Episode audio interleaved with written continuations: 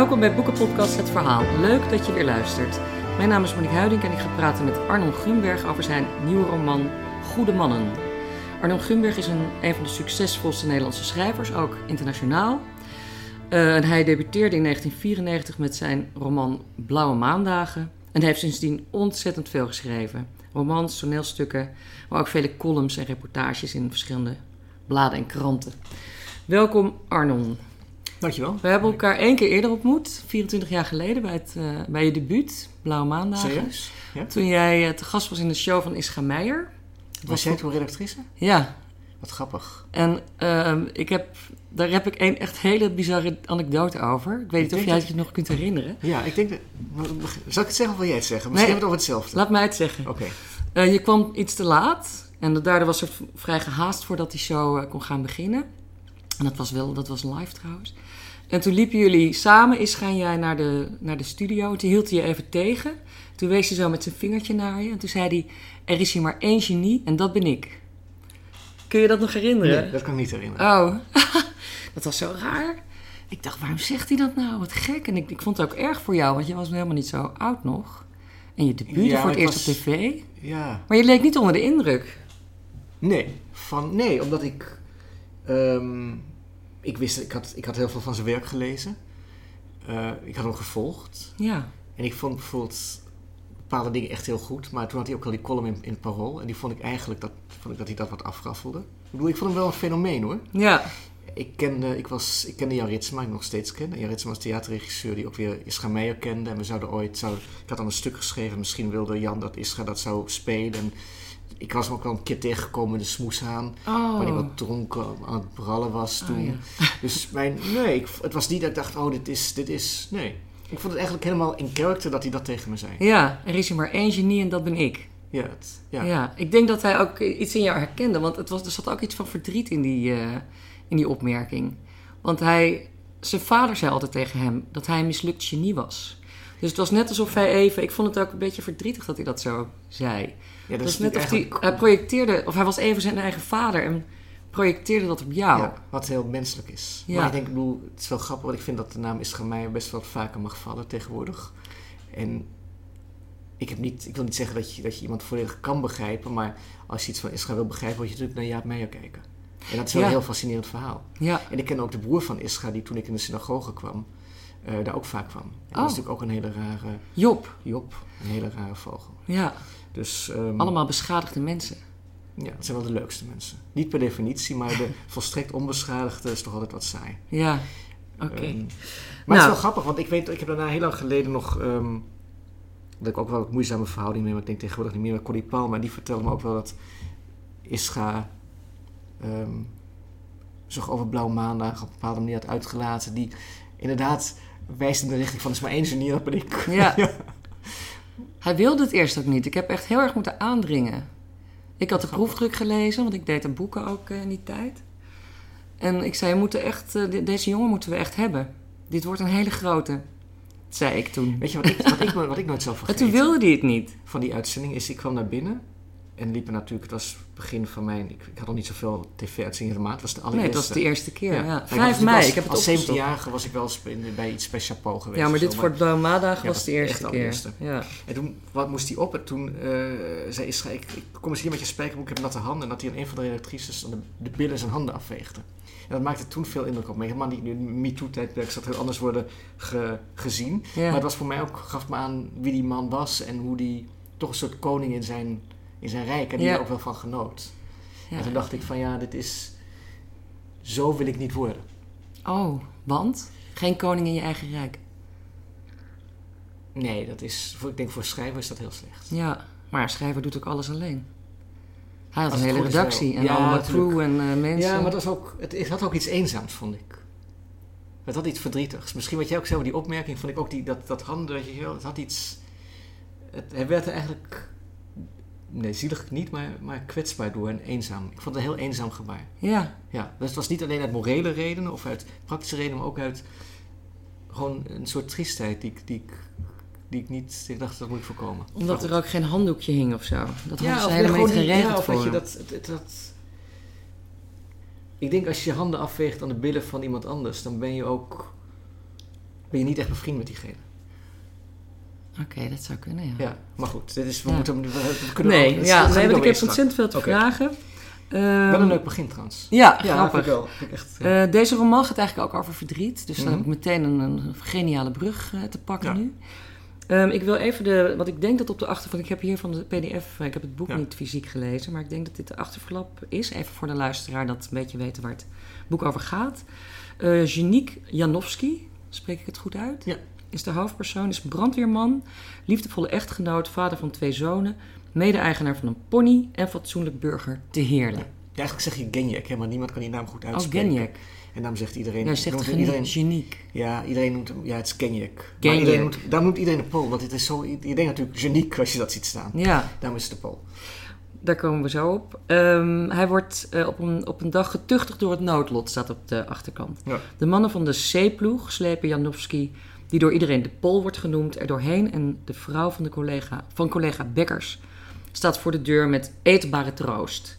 Hun troost blijkt echter nog meer onheil te brengen. De Pol besluit erop niet te walgen van zijn lot, maar het te beminnen. Dat is eh, wat je leest als je de achterkant... Ja, ik, eh, ja, ja, ik vind een flaptekst moet altijd... ehm, moet zo min mogelijk een synopsis van het verhaal zijn, maar moet natuurlijk wel iets, iets weggeven. Dus en ja, ook iets de lezer verleiden natuurlijk. Een beetje verleiden. Ja. Ehm, welk idee lag aan de grondslag van deze, van deze roman? Ja, meerdere ideeën. Ik wil het over een brandweerman hebben. Ik wil het over, ehm, niet zozeer over rouw hebben, maar wel over een specifieke vorm van rouw. Nou, wat, dat, dat kunnen we wel verklappen, want er heeft in heel veel recensies al gestaan. Wat, Ja. wat, wat er met je gebeurt als een kind van je zelfmoord pleegt. Ja, zijn, zijn jongste, Zijn oudste zoon pleegt Die zelfmoord. springt voor de trein. Ja. En dat, is, dat lijkt mij zo ingrijpend en zo alomvattend. Dat is natuurlijk de vraag, hoe overleef je dat als gezin? Dat, vond ik, dat was mijn vraagstelling. Hoe gaat een gezin daarmee om? En Ja. hoe gaat een vader daarmee om? En hoe specifiek, hoe gaat een vader als de Pool daarmee om? Genjak Janowski. Een, een, nou ja, een man die eigenlijk zijn leven erop heeft ingesteld om het anderen naar hun zin te maken. ja. Hij zegt ook op een gegeven moment... eh, even kijken waar ik dat had opgeschreven. Dat hij liever een stapje opzij doet. Ja, dat is een man die- helemaal op het eind van, dat vond ik zo aantrekkelijk. Je hebt je hele leven een stapje opzij gezet Ja. en ik kan er niet meer tegen. Ja, Hij past zich totaal aan. Ja, Je ontneemt hem op pagina 1 eh, in het boek al zijn naam. Want Ja. die naam is te moeilijk. Iedereen noemt hij werkt bij die brandweer. En die brandweer vinden dat een moeilijke naam. Dus ze noemen hem de Pool. Dat slaat helemaal nergens op, want hij is gewoon een Nederlander. Hij heeft alleen wel een Poolse vader. Van uit oorspronkelijk eh, Poolse vader en een Duitse moeder. Maar ehm, hij gaat zich daar ook helemaal naar gedragen. Het lijkt net of hij zelf. Je hebt hem door zijn naam weg te nemen natuurlijk ook een beetje zijn identiteit, eh, van zijn Ja, ben beroofd, of niet? identiteit is een thema, als dat het woord is dat me heel lang fascineert. Ehm, zowel in mijn romans als ook in, in mijn columns en mijn essays. Je ontkomt er niet aan om over jezelf na te denken als, als iemand met een min of meer coherent verhaal. Maar ik denk dat identiteit kan natuurlijk ook heel veel, ehm, kan ook een gevangenis worden. En collectieve identiteit kan ook, gaat heel vaak gepaard met vijandbeelden. Ja. En voor mij, ik wilde. Dit is een verhaal over een man die, die, zoals je zei, die zich aanpast. Die ook gelooft dat dat de weg is naar geluk en naar, naar goed zijn. En naar een fijn leven hebben. Maar die misschien een te ver doorschiet. En tegelijkertijd, voor zijn omgeving blijft hij. Ja, blijft hij, net geen, blijft hij er net niet bij horen. Blijft hij toch iemand naar de pool.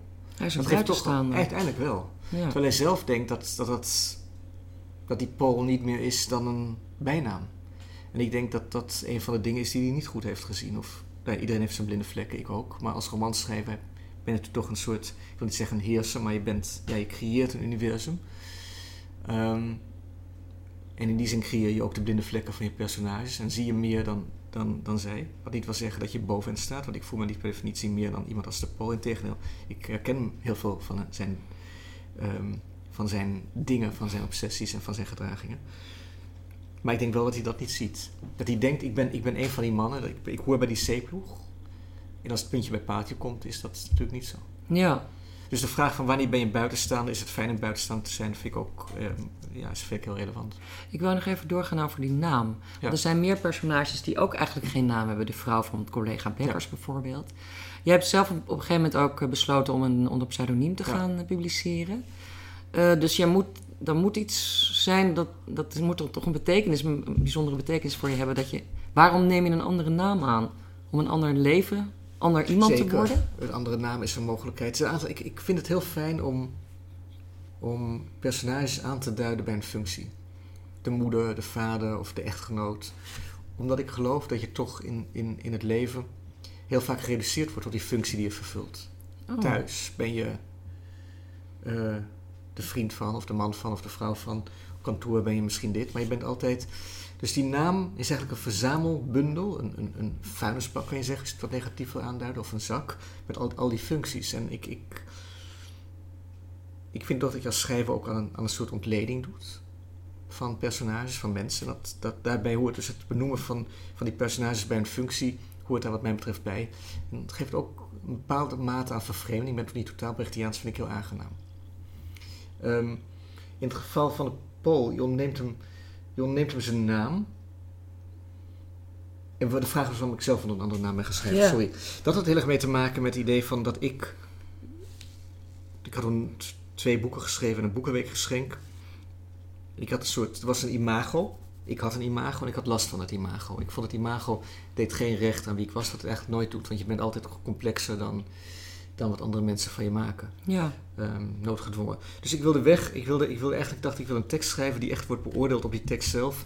En die niet wordt gelezen ehm, met het idee van dat is weer een tekst van Gumberg. ja. Ik wilde opnieuw beginnen. En inderdaad, dat is het verlangen. Een andere naam op aannemen heeft bijna altijd het te maken met het verlangen opnieuw te beginnen. En een nieuw leven. een nieuw leven te Een ander iemand. een ander te iemand worden. te zijn. Ja. Het is te vervreemden van je oude zelf ook. ja. Er zit ontzettend veel vervreemding namelijk in dit boek. En in bijna al je werk trouwens. Ja, ik, ja, ja, ja ik denk dat vervreemding voor mij niet per alleen iets negatiefs. Ik denk dat dat een, een zeker stoïcisme, een zeker relativisme is, gaat ook gepaard met vervreemding. Kan er ook toe bijdragen dat je ehm, gelukkig in het leven staat en een fijne leven hebt. Maar om jezelf opnieuw uit te vinden, om te zeggen ik ga nu iets heel anders doen, moet je natuurlijk wel een beetje los kunnen staan van je oude zelf. En moet je daar niet helemaal in geloven. Dus je moet lichtelijk onthecht zijn eigenlijk. Ja, ik denk, Of heel erg onthecht. ik hou wel van onthechtheid. Ik denk toch dat het een. Ik kan me niet voorstellen hoe je, hoe je op een redelijke manier door het leven kunt gaan zonder enige onthechtheid. Ik denk dat dingen dan zoveel pijn blijven doen en zo, zo scherp naar binnen komen. Ik denk dat onthechtheid is toch ook een soort, ja, een soort huid die je, die je beschermt tegen tegenslagen en tegen Onthechtheid onthechtheid. Ja. Ja. ja, is een huid. is een huid.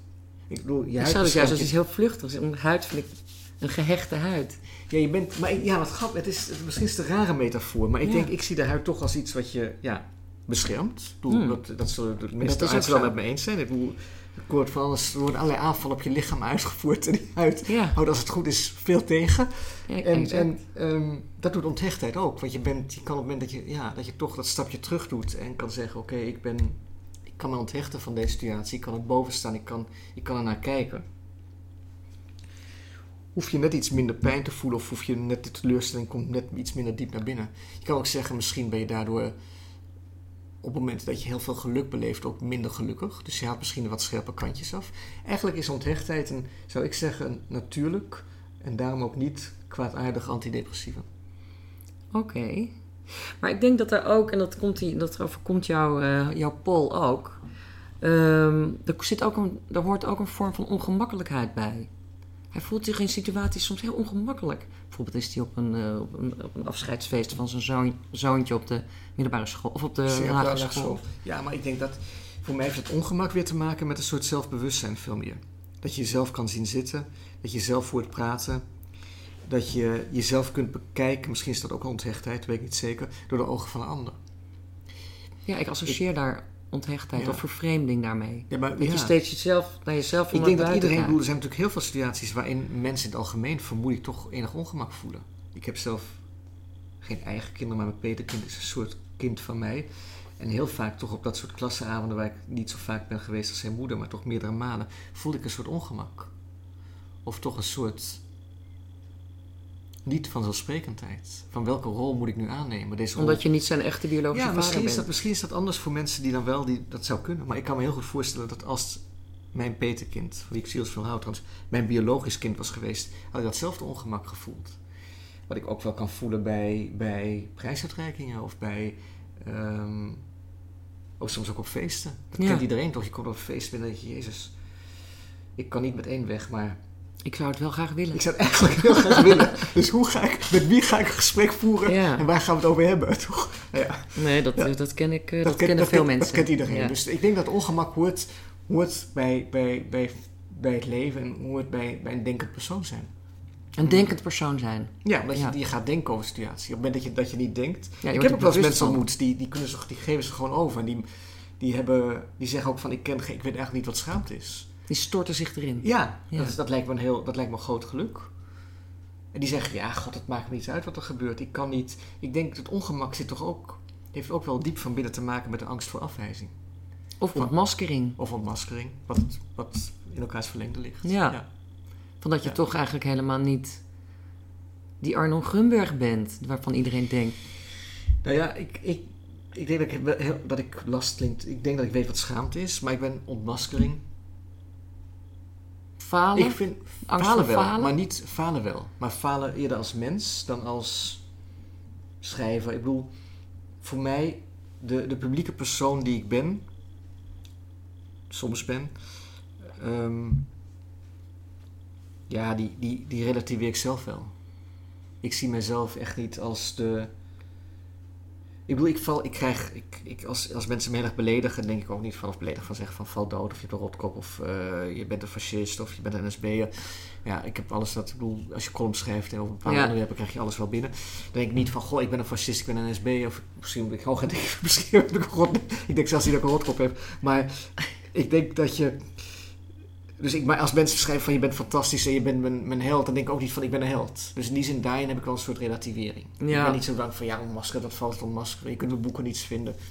Ja, dat kan So dat? Dat, dat kan het Dat ja. tast je eigen persoonlijkheid. Misschien ben ik, blauw- ja, ik schrijf al zoveel boeken. Ik, bedoel, ik, heb al, ik ben al zo lang aan het schrijven. Ik denk van ja, natuurlijk, als, als iedereen het niets meer vindt, dan zou ik op een gegeven moment wel. Ga je toch wel noodgedwongen aan zelfreflectie doen? Of denk je, ben ik gek of zijn de anderen gek? Maar ehm, veel meer gewoon echt in het dagelijks leven. Van ben je wel aardig? Of ben je wel sympathiek? Of ben je wel een goede peetvader? Of ben je wel een goede vriend? Of ben je wel een goede kennis? Directe wel- sociale ja, relatie. dat, dat vind ik veel, is veel existentiëler, denk ik ja. dan wat die, dan dat publieke persoon van, ja, dus ontmaskerd. En ik vind ook niet dat ik me als publiek persoon wezenlijk anders voel dan ik ben. Ik denk, oh, ik speel een spel, dat heeft mij een tegendeel. Ik, ben, ik probeer eigenlijk ook in dit gesprek, mijn alle interviews, van anders zou het ook irrelevant zijn, zo eerlijk mogelijk antwoord te geven op de vragen die me worden gesteld. ja. En ehm, na te denken over mijzelf, want dat is toch ook wat waartoe een interview vaak uitnodigt. Natuurlijk zijn er dingen die privé zijn en dingen die dat niet zijn, maar dat, ik ben eigenlijk denk ik vrij. Ik, kan me, ik vind het. Ik, wil, dat- ik, wil, ik heb een hekel aan, aan publieke personen die zich moeten druk maken omwille van wie ze zijn om hun imago. Ik bedoel, ik, heb, ik ben. Ik presenteer mij zoals ik denk dat ik ben.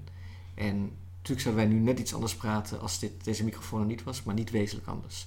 Als jij me diezelfde vraag had gesteld zonder microfoon, had je dezelfde antwoord Ja. gekregen. Niet omdat ik zo super eerlijk ben, maar ik denk anders is het.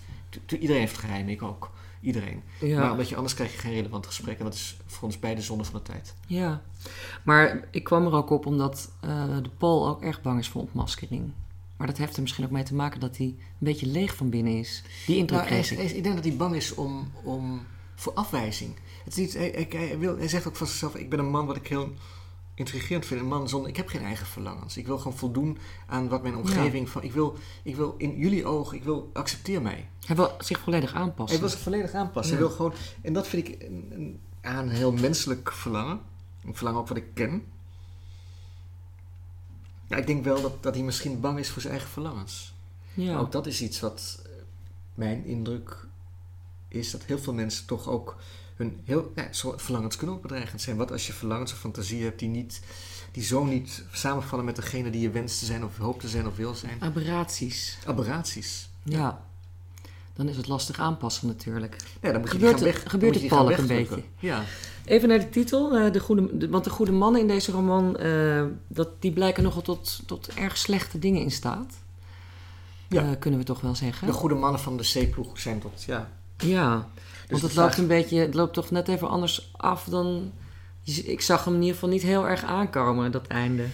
Nee, dat is, als het goed is, zie je het ook niet aankomen. Ik bedoel, het zou jammer zijn als het voorspelbaar is. Ja. Maar, ehm, We gaan het ook niet zeggen. nee, maar goede mannen... Kijk, hij denkt, hij denkt dus, Paul denkt toch dat die C-ploeg uit goede mannen bestaat. En dat Hij is verkeerd in die waan eigenlijk. zijn zijn vrienden. Ik denk dat je... Voor ons is het een waan, maar ja, Ze helpen hem ook als zijn zoon eh, dood eh, is. Dan het tragische lot is ook nog dat het kind is voor de trein gesprongen en de Paul als brandweerman schraapt hem zelf van de rails en van de ik denk, je, weet, je ziet heel vaak niet aankomen. Een goede, een goede kennis van mij, misschien een vriendin, ik weet niet wie dat het onderscheid is, niet zo groot, niet zo goed te maken. Ehm, die is deze zomer door haar ex in New York eh, vermoord samen met Och haar ja, kind. dat heb ik gelezen in de Ja. krant, ja. En die zei me nog, ik heb er tien, de acht dagen daarvoor gesproken. Ja, god, het is een beetje moeilijk met mijn ex, maar mijn zoontje wil zo graag dat we met z'n allen zijn verjaardag vieren, dus ik ga daarheen. En zijn ex, met iemand die zijn kind heeft gekregen, met Ja. wie ze samen heeft gewoond, die zag ook niet aankomen dat ze die dag vermoord Nee. zou worden en haar kind vermoord zou worden en dat hij zichzelf zou vermoorden en zijn nieuwe vrouw. Dus in die zin, het is een extreem voorbeeld, maar een voorbeeld uit de realiteit. Ik wil ook niet beweren dat je altijd alles kunt zien aankomen. nee, maar ik denk echt natuurlijk heel vaak. Ik, bedoel, ja, ik denk dat jij ik denk dat ook wel weet wie mijn vriendin is. En ik- jij weet ook wel wie je vriend is. En, en, en toch, sommige dingen weet je ook niet. En sommige Nee. dingen zie je ook niet aankomen. Nou, ja, het is ook gewoon een noodlot natuurlijk. Dat je altijd kan, op de een of andere manier kan iedereen tegen zijn noodlot aanlopen. Ja, dat is natuurlijk toch een verschil. Dat vind ik wel niet geen verschil. Er kan hier een orkaan over Utrecht. eh, Nou, een orkaan misschien wel wat minder zijn. Maar er kan, bij een, er kan een boom opvallen bij een Ja, grote storm. Die kan op je hoofd vallen. Maar het is toch iets anders of, of dat iemand die je kent een pistool op jou richt. Oh ja. Dat is het grote verschil. En dat is natuurlijk, ja... Dat Zelfs het je geliefd. Ja, Ja. geliefd. Dat je denkt van, jezus, dat... dat ja, dat is natuurlijk ook het angstaanjagende van, van huiselijk geweld. Of van geweld van, van bekenden. Dat je dat Ja. zo niet zag aankomen. Dat je daar zo slecht tegen gewapend bent. Dat is natuurlijk ook een van de dingen... Er zijn een aantal redenen waarom mensen, met name vrouwen, want het gaat meestal om vrouwen, geen aangifte doen bij verkrachting. Behalve dat het gewoon, nou ja, de, de bekende, de bekende reden. Maar een, een andere reden is ook dat het heel vaak gaat om dat ze verkracht zijn door mensen die ze kennen. Ja, Door vrienden, door Ja, bekenden. maar dat heeft dan nog veel meer implicaties Tuurlijk. dan alleen maar die Dan alleen maar die aangifte. Alleen Ja, maar die aangifte Ja, ja, ja, is waar. Ehm, eh, de, de, de Paul die wil zich dus bovenal aanpassen, dat had ik net ook al gezegd. En dan heeft hij, heeft hij eigenlijk een, dat kind van hem, die oudste zoon, eh, Boris. Die, is eigenlijk, die doet iets dat totaal onaangepast is. Die maakt eigenlijk een eind aan zijn leven. Betekent dat aanpassen eigenlijk voor jou ook, misschien in deze roman zo bedoeld, ehm, een reden is voor falen? Dat hij, want hij Ja, faalt op alle, in werkelijk alle fronten. Ik denk iemand als de Pool die zich zo graag wil aanpassen en assimileren aan de levende. Voor zo iemand is zelfmoord wel een falen. En val is natuurlijk, faalt hij als vader. Ik denk dat iedereen zal het gevoel hebben te falen als zijn kind zelfmoord pleegt. Ja, Haar kind. Maar misschien komt het bij hem nog extra binnen omdat hij zich eigenlijk geen raad weet met welk falen dan ook. Hij is zo erop ingericht om niet te falen, dat elk falen onvergeeflijk is en zeker ook dit falen. Ehm, hij weet eigenlijk niet hoe hij moet leven. Maar dat geldt voor zijn kind eh, ook. Dat geldt voor zijn kind ook en die trekt er andere consequenties uit. Ja. En ze weten ook niet hoe ze elkaar kunnen, kunnen vinden, kunnen bereiken. Kunnen, hoe ze die, toch die muur tussen hen...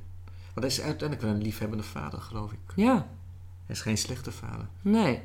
Hij is best een goede man. Eigenlijk wel. Misschien wel de enige in het, hele boek. Misschien is hij de enige goede man in het boek. Ja. Moest het ook mannen zijn? Dat je, Ja, vind ik, ik had een vraag goede over- mensen? Die titel bestond al, maar van die Abraham. Maar het is ook... Kijk... eh, Misschien, ik denk dat de meeste verschillen tussen man en vrouw cultureel bepaald zijn. Maar vooralsnog hebben we wel met die culturele verschillen te maken. Of die onwenselijk zijn of niet, doet er voor mij als romanschrijver even niet, niet zoveel toe. En in die zin ben je, ben je onvermijdelijk, ga je toch ehm, aanpassen aan, aan de connotaties, aan de associaties die met mannelijkheid worden, eh, zijn vastgeknoopt, worden vastgeknoopt. Dus je Omdat je zelf een man bent. ja, nou ja, of dat, ik denk als ik een vrouw was geweest en als vrouw was gezien, had ik me daar weer met alle vrouwelijke clichés eh, verbonden. Maar dat doe je natuurlijk wel. Hm. Ehm, en in die zin, of ik ben, bijvoorbeeld, ik was me altijd, als ik het over mezelf kan hebben, of heel erg bewust van dat ik niet zo'n mannelijke man was op school. Omdat ik, ik was niet, zo- ik was niet zo, hield niet zo van vechten, ik hield eigenlijk niet zo van sport. Ik was bepaalde dingen eng. Hoog in de touwen klimmen vond ik eng. Ja. Ehm, Weet je gepest?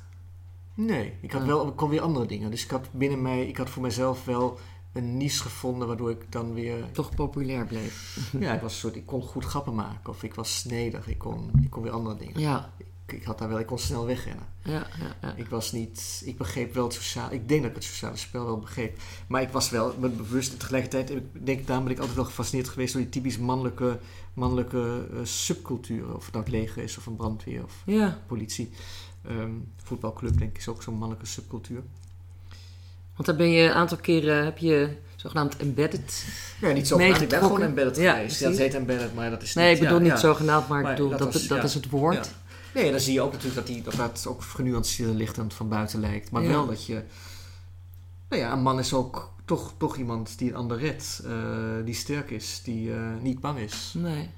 Die... ehm, Nou ja, nou, of te veel emoties tonen wordt ook als niet mannelijk gezien. nee. Ik vroeg me, misschien heel raar, maar ik vroeg me af, want je, gaat, je bent in best wel heftige situaties embedded geweest. Ja. In Afghanistan, gewoon een full-proof war. En ehm, je bent ook eh, in een slachthuis eh, Ja, slachthuis was ook heel heftig. Ja. en, en nog wel wat meer dingen.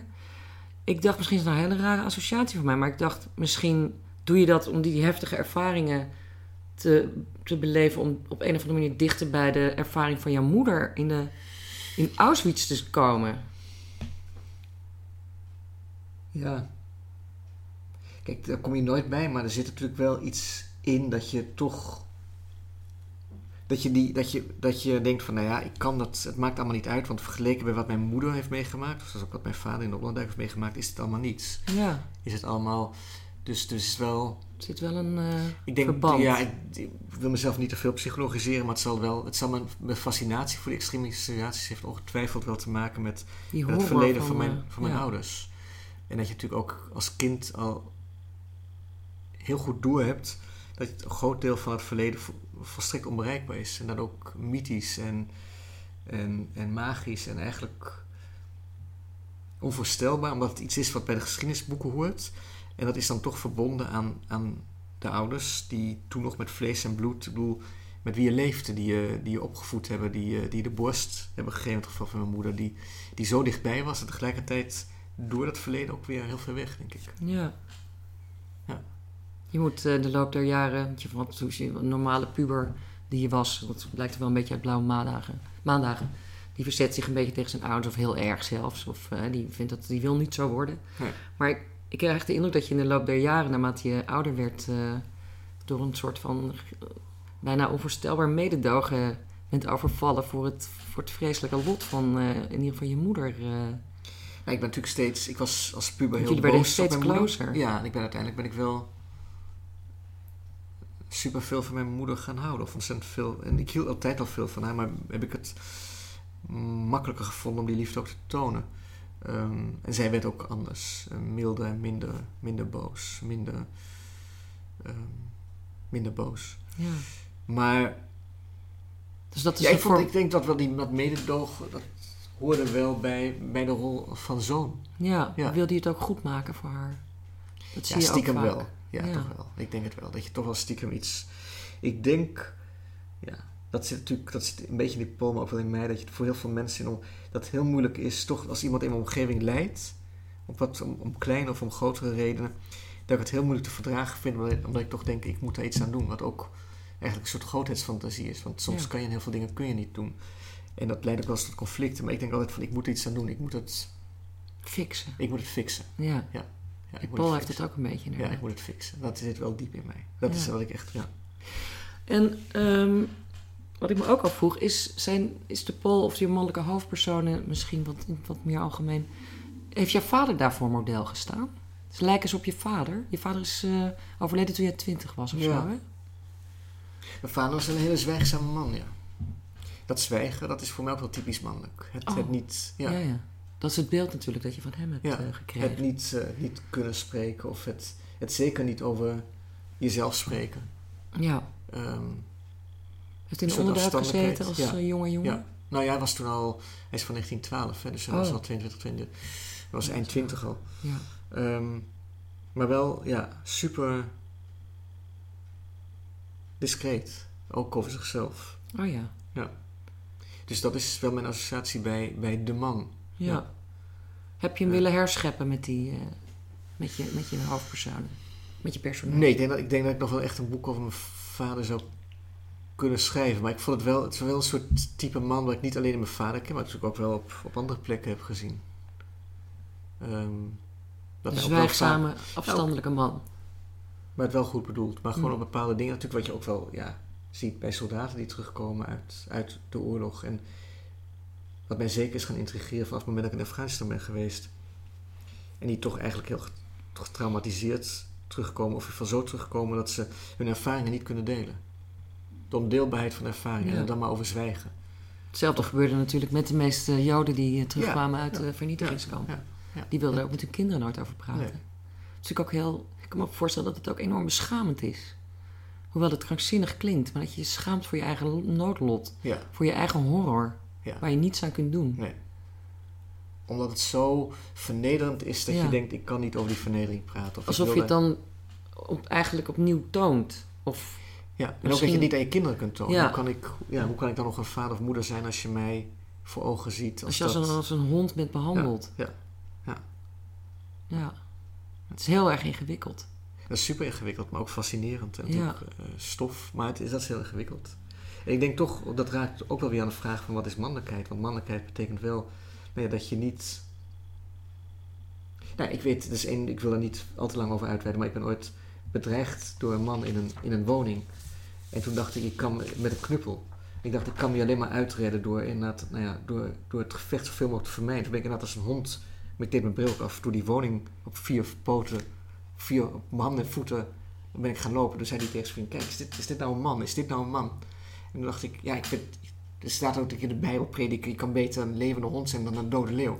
Wat, ik, wat echt een hele ware waarheid is. Maar ik vond het wel, het is wel iets wat ik nooit zou vergeten. Is Dat deed je nou- instinctief. ja, instinctief. Maar ik, gewoon, ik deed ook instinctief mijn bril af. Ik dacht, want dat, dat, dat, ik dacht, die bril wat ik nog nodig heb. En als ik word geslagen. En je weet ook, ja, je wil gewoon je gezicht en je hoofd beschermen. Je weet, als ik word geslagen, toch beter op hand, Ja. beter een arm breken dan...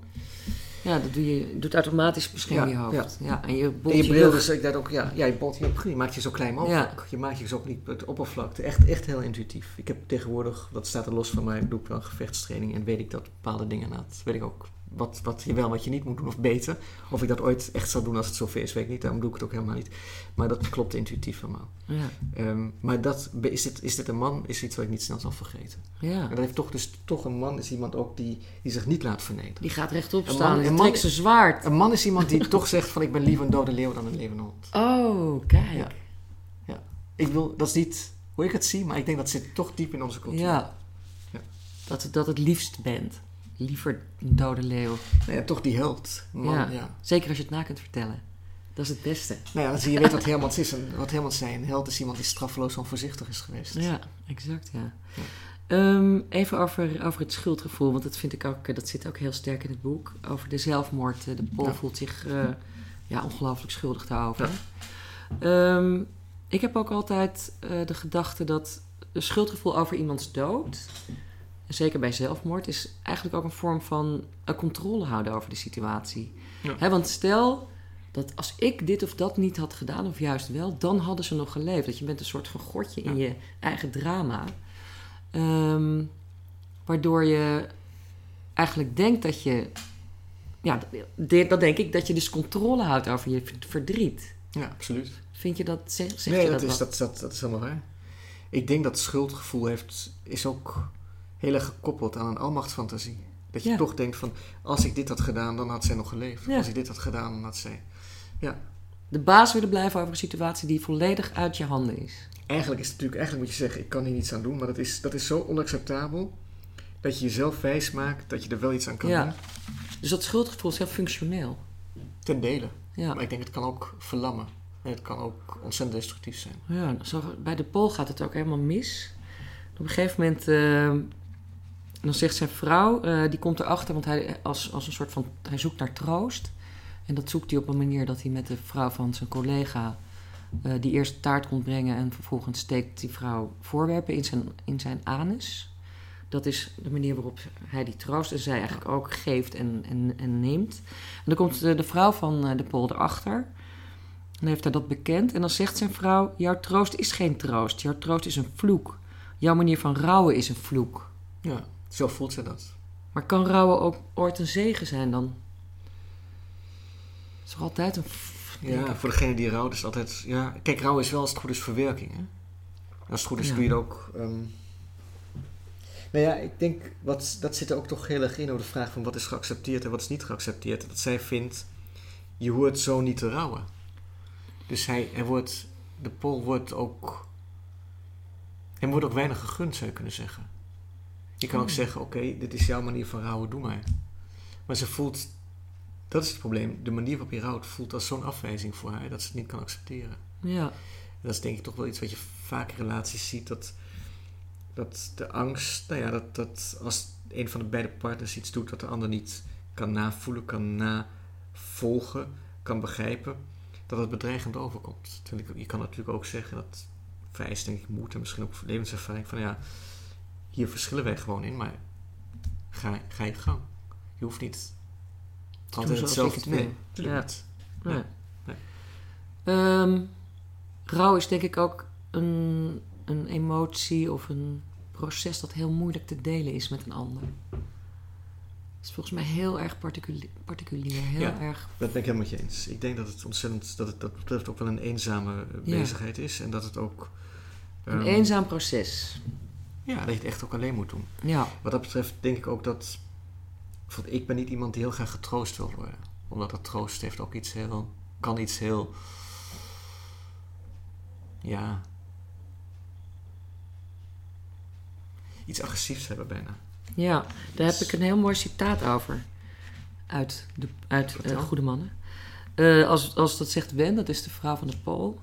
Ehm, er zijn denk ik veel mensen die ons willen troosten. Op mijn werk hebben ze het ook al een paar keer aangeboden. Maar ze doen het voor zichzelf. Het zijn net roofvogels, die troosters.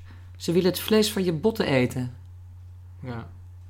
ja ik denk in het troosten, sommige mensen die, dat, die daar plezier aan lijken te ontlenen, die troosten natuurlijk ook altijd zichzelf. Ik denk dat, dat, dat veel mensen die dat heel erg over duidelijk doen en een beetje te, te veel, Ja. dat die snakken naar jouw leed. Ja. Nee, ze eigenen zich iets toe. Ja. Wat, wat niet, niet, niet van hen is. Ehm, dat vind ik al heel vaak trouwens zo met al te... Ik vind... Ik, ik heb niets tegen emoties, maar ik vind niet dat ze altijd in de openbaarheid moeten. Ik bedoel... En dat soms bij mensen die gaan zo heel erg... Mensen die helemaal... Die er niets mee te maken hebben. Die zo enorm bij huwelijk of begrafenis in snikken uitbarsten. Zo ostentatief. Ja, Terwijl ze... Ja... Het mag, maar... het ik schrikt je een beetje of- af. Ja, het schrikt me een beetje af. Ja. Ehm, ja. Maar hè, als, ik het, als, ik, als ik het goed interpreteer, dan ben je in de laatste fase van het leven van je moeder juist enorm aan haar gehecht geraakt. Tegenover ja, meer nog dan vroeger. Ik was altijd een moederszoontje. Ja. onthechtingsproces. is echt enorm aan haar gehecht geraakt. Dus dan moet die rouw ook eh, echt heel heftig zijn geweest. Of misschien nog zijn. Nee, nou, ik, ik zou zeggen, maar misschien bedrieg ik... Ik bedoel, zou een psycholoog zeggen, je bedriegt jezelf. Maar ik, ik, ik zou zeggen, juist dat ik ehm mij aan haar heb kunnen hechten in de periode daarvoor. En dat ze was vrij lang ziek. En ik niet het gevoel heb gehad van, oh, ik had nog dit tegen mijn moeder willen zeggen. Of had ik nog maar dit met haar gedaan. Ja. Ehm, viel de rouw mee? Of was de rouw iets dat mij minder trof dan ik had verwacht toen ze nog leefde? Ja. En misschien ook omdat ik gewoon, wat mij heel wat erg helpt, iedereen beleeft trouw heel erg anders. Maar ik dacht van oké, ze ging dood op het moment dat ik dat niet verwachtte. Niet dat je dat ooit, maar goed, het was echt, het kwam toch ondanks alles onverwacht. Ze had nog een hartoperatie gehad. Ik dacht, nou, nu gaat ze nog wel tien jaar mee. Dat ik dacht, ik ga gewoon wel, ik stop niet, het werk moet gewoon doorgaan. Dat is mijn redding. Dat is toch die deadlines, dat geeft mijn leven structuur en, en, en bepaalde manier ook zin. En dat is echt een houvast. Dus als ik nu zeg van ik ga nu een paar weken stoppen, ik deed nog een voetnoot of doe helemaal niets. Dan, word ik, dan komt die rouw als een soort vloedgolf over me heen. Terwijl als, ik, Oh. als ik gewoon doorga met werken, dan heb ik een soort dijk tegen, tegen het verdriet. En dan kan ik er beter tegen. En dat bleek heel waar te zijn. oh jee. Nou ja, weet ik niet. Waarom? Het klinkt, kijk mensen, iedereen... Mijn zus is heel anders. Iedereen... eh, mijn zus is veel emotioneler en veel... Emotioneler, op die manier, of openlijk emotioneler. En ik vond het heel prettig dat ik gewoon kan zeggen: nou, Oké, we gaan nu, mijn moeder is dood, maar ik ga wel door met werken. Ja, je werkt ik- ook zo ontzettend veel. Ja, dat, heeft, dat was natuurlijk toch dat was fantastisch. Ik heb, ik heb ook over, ik heb daarover kunnen schrijven. Ik heb daarover. Ik hoefde niet. ik mocht verdrietig zijn op, een man, op het moment dat het mij uitkwam. En dat, dat was een Dat je in je agenda een gaatje had. Nou, dat klinkt, dat klinkt heel naar. Dat klinkt heel naar. Ik zei tegen iemand... Nee, dat is niet van- naar. Ik, het is een van- praktische manier om mee om te Ja, gaan. ik, ik, ik, ik ben uiteindelijk... Geloof ik dat de redding voor een deel ook zit in dingen praktisch benaderen. Mijn vriendin vindt het soms heel vervelend, want ik, zij zegt van je dingen... Soms is verdriet niet praktisch. Hou op dan te denken hoe je het weer praktisch dingen kunt oplossen. Maar voor mij is dat wel heel, altijd heel reddend geweest. En ehm, ik zeg niet dat ik een uurtje vrij maakte voor rouw, maar ik heb wel tegen... Dat wel grappig, want het kwam het vloepte er echt uit. Tegen iemand van trouw zei ik van, hey, je kan ook tussendoor rouwen. En dat, dat, dat is eigenlijk, is me dat wel uitstekend bevallen, voor Ja. zover rouw kan bevallen. Voor zover dat ook iets is waar je helemaal controle over hebt. Ja. Maar wel, ja. Ehm nee, bijvoorbeeld daarna kwam nog het boek van mijn moeder uit, haar oorlogsmemoires en het, voor, het nawoord dat ik daarbij heb geschreven en al die dingen. Ik ben op heel veel manieren nog met haar bezig geweest, Ja. wat een hele prettige, voor mij nogmaals prettig tussen aanstekens, een prettige manier van rouwen was. Een prettige manier van verdrietig zijn. En voor een deel ook, door, het, door aan haar te denken blijft iemand natuurlijk ook in leven. Of door, ehm, ja, ja, kan ook iemand in leven houden door in je hoofd nog met diegene bezig te zijn. Ja. In- De, de Pool zegt, eh, op het, een beetje op het laatst in de roman... Hoe kon je leven zonder de doden te verraden? Dat is dus niet iets wat jij... eh, Nou ja, en ik denk als mijn kind zelf. Kijk, maar ik, er bestaat natuurlijk zoiets als survivor's guilt. En ik denk best dat mijn moeder daar op een bepaalde manier last van heeft gehad. Toch dat ze denkt, waarom heb ik de oorlog overleefd en mijn ouders niet? Ehm, ik heb, nee, ik, integendeel, want mijn moeder heeft altijd gezegd van dat, dat ze eh, zou sterven als ik zou doodgaan. Dus in die zin was hij dood zou je kunnen zeggen, nu kon ik, mocht ik ook dood. Ik hoefde niet meer voor haar te leven, maar ik zou. Ik voel, ik, van mijn moeder voel ik juist de verplichting om door te gaan met leven en er iets van te maken. En ook nu bedoel je? ja, heel Ja. erg. Ik, Ja. Iemand begreep dat niet. Ik zei vanochtend tegen iemand: van ja, ik, ik nog steeds. Ik ben niet suicidaal, maar ik zou nog steeds zelfmoord enorm verraad aan mijn ouders vinden. Ik zou dat niet over mijn Omdat ze zo blij met je waren. Omdat zij zo gevochten hebben om in leven te blijven. Zelf. Ja. In die oorlogstijd. Dan kan je niet, dan zou dat zo verraad voelen aan dat in leven willen blijven en zich dan toch voortplanten en kinderen op de wereld zetten. Dat iemand dan zegt van nee, ik maak er een eind aan. Dan hadden de, de nazi's alsnog gewonnen, Ja. bedoel je? Ja, eigenlijk wel. Ja. Ja. En dat gun Ja. je ze natuurlijk niet. Nee, maar dat gun ik de nazi's niet. Maar hoewel mijn ouders, ik geloof helemaal niet dat ze, dat ze iets zien of dat ze dat, ik geloof niet in hun namaals, maar toch kunnen dingen omdat je ze geïnternaliseerd hebt als ze verraad voelen. Dan denk ik, Ja. nee, dat kan ik niet maken. Hmm. Dit is niet, dit, daarvoor hebben ze maar niet op de wereld gezet. Ja. Nee. Ja. Nee. Ook al zijn ze inderdaad Dood, overleden. ja. Ja. Ehm, een beetje naar het einde toe al. Er zit ook eh, wel eh, een, een lach in het boek. Zeker. Heel soms. De, de en lach, ik ben dol. Maar of de, het tragische en het komische gaan zo Ja. goed samen. Ja. Ehm, ik las ergens dat, eh, van, hoe heet hij ook alweer, Koer- Koert Vonnegut... die zegt, humor is, is een bijna fysiologische reactie op angst. ja, wat grappig. Wat een mooie uitspraak. Ja. Ja, ik, zal even, ja. ik ga één zin even voorlezen uit, eh, uit eh, Goede Mannen, waarvan ik, waar, ik, waar ik even wel om moest lachen, gek genoeg. Eh, dat is, eh, hij, vertel, hij eh, heeft net zijn zoon van, het, van, het, van het locomotief geschraapt, die, do- die dood is. En dan zegt hij, hij begon het te begrijpen. Je krabde je, je, krabde je jongen van de rails en dan kwamen de mensen met tiramisu langs. Ja, het is natuurlijk ook zo, het is zo ik, bedoel, ik denk de onbeholpenheid van mensen is ook weer heel ontroerend. Dus Ja. iemand komt met, denkt van hoe kunnen we diegene helpen? En dan kom ik maar met nou, eetbare troost, ik koop wat tiramisu. Er moet een beetje chocola bij. Ja, Ja, het is ook ontroerend en onbeholpen, maar tegelijkertijd denk je ook, als die vader zijnde, wat moet ik met die tiramisu? Maar je wilt ook weer, dat, dat is het ongemak. ja. Het ongemak is dat je iets denkt, iets voelt en je weet, het is onbeleefd om dat te zeggen, dus ik doe het niet. Nee. En dat lijkt me heel menselijk. En tegelijkertijd is die zes, nou, ze krijgen natuurlijk ook toch een soort van verhouding, hoe ongemakkelijk en bizar misschien ook, ehm, is het ook heel lief. Maar ik denk, dat is, dat is ook iets wat ik heel erg herken uit mijn eigen, ja, mijn moeder die altijd toen op lagere school zat met, met, met sinaasappelsap in Tupperware bekertjes langskwam. En ook toch dat, dat idee van het voederen als, alsof een moeder daarvoor alleen was. Maar misschien ook omdat ik voelde, ik heb natuurlijk ik nooit, zelfs op het eind niet echt heel erg met mijn moeder over mezelf kunnen praten. Omdat dat veel te bedreigend was voor haar en daardoor ook voor mij. Dus je past daar ook, je ook aan haar aan, of aan Tuurlijk. haar verwachting. Tuurlijk, Ja. zeker.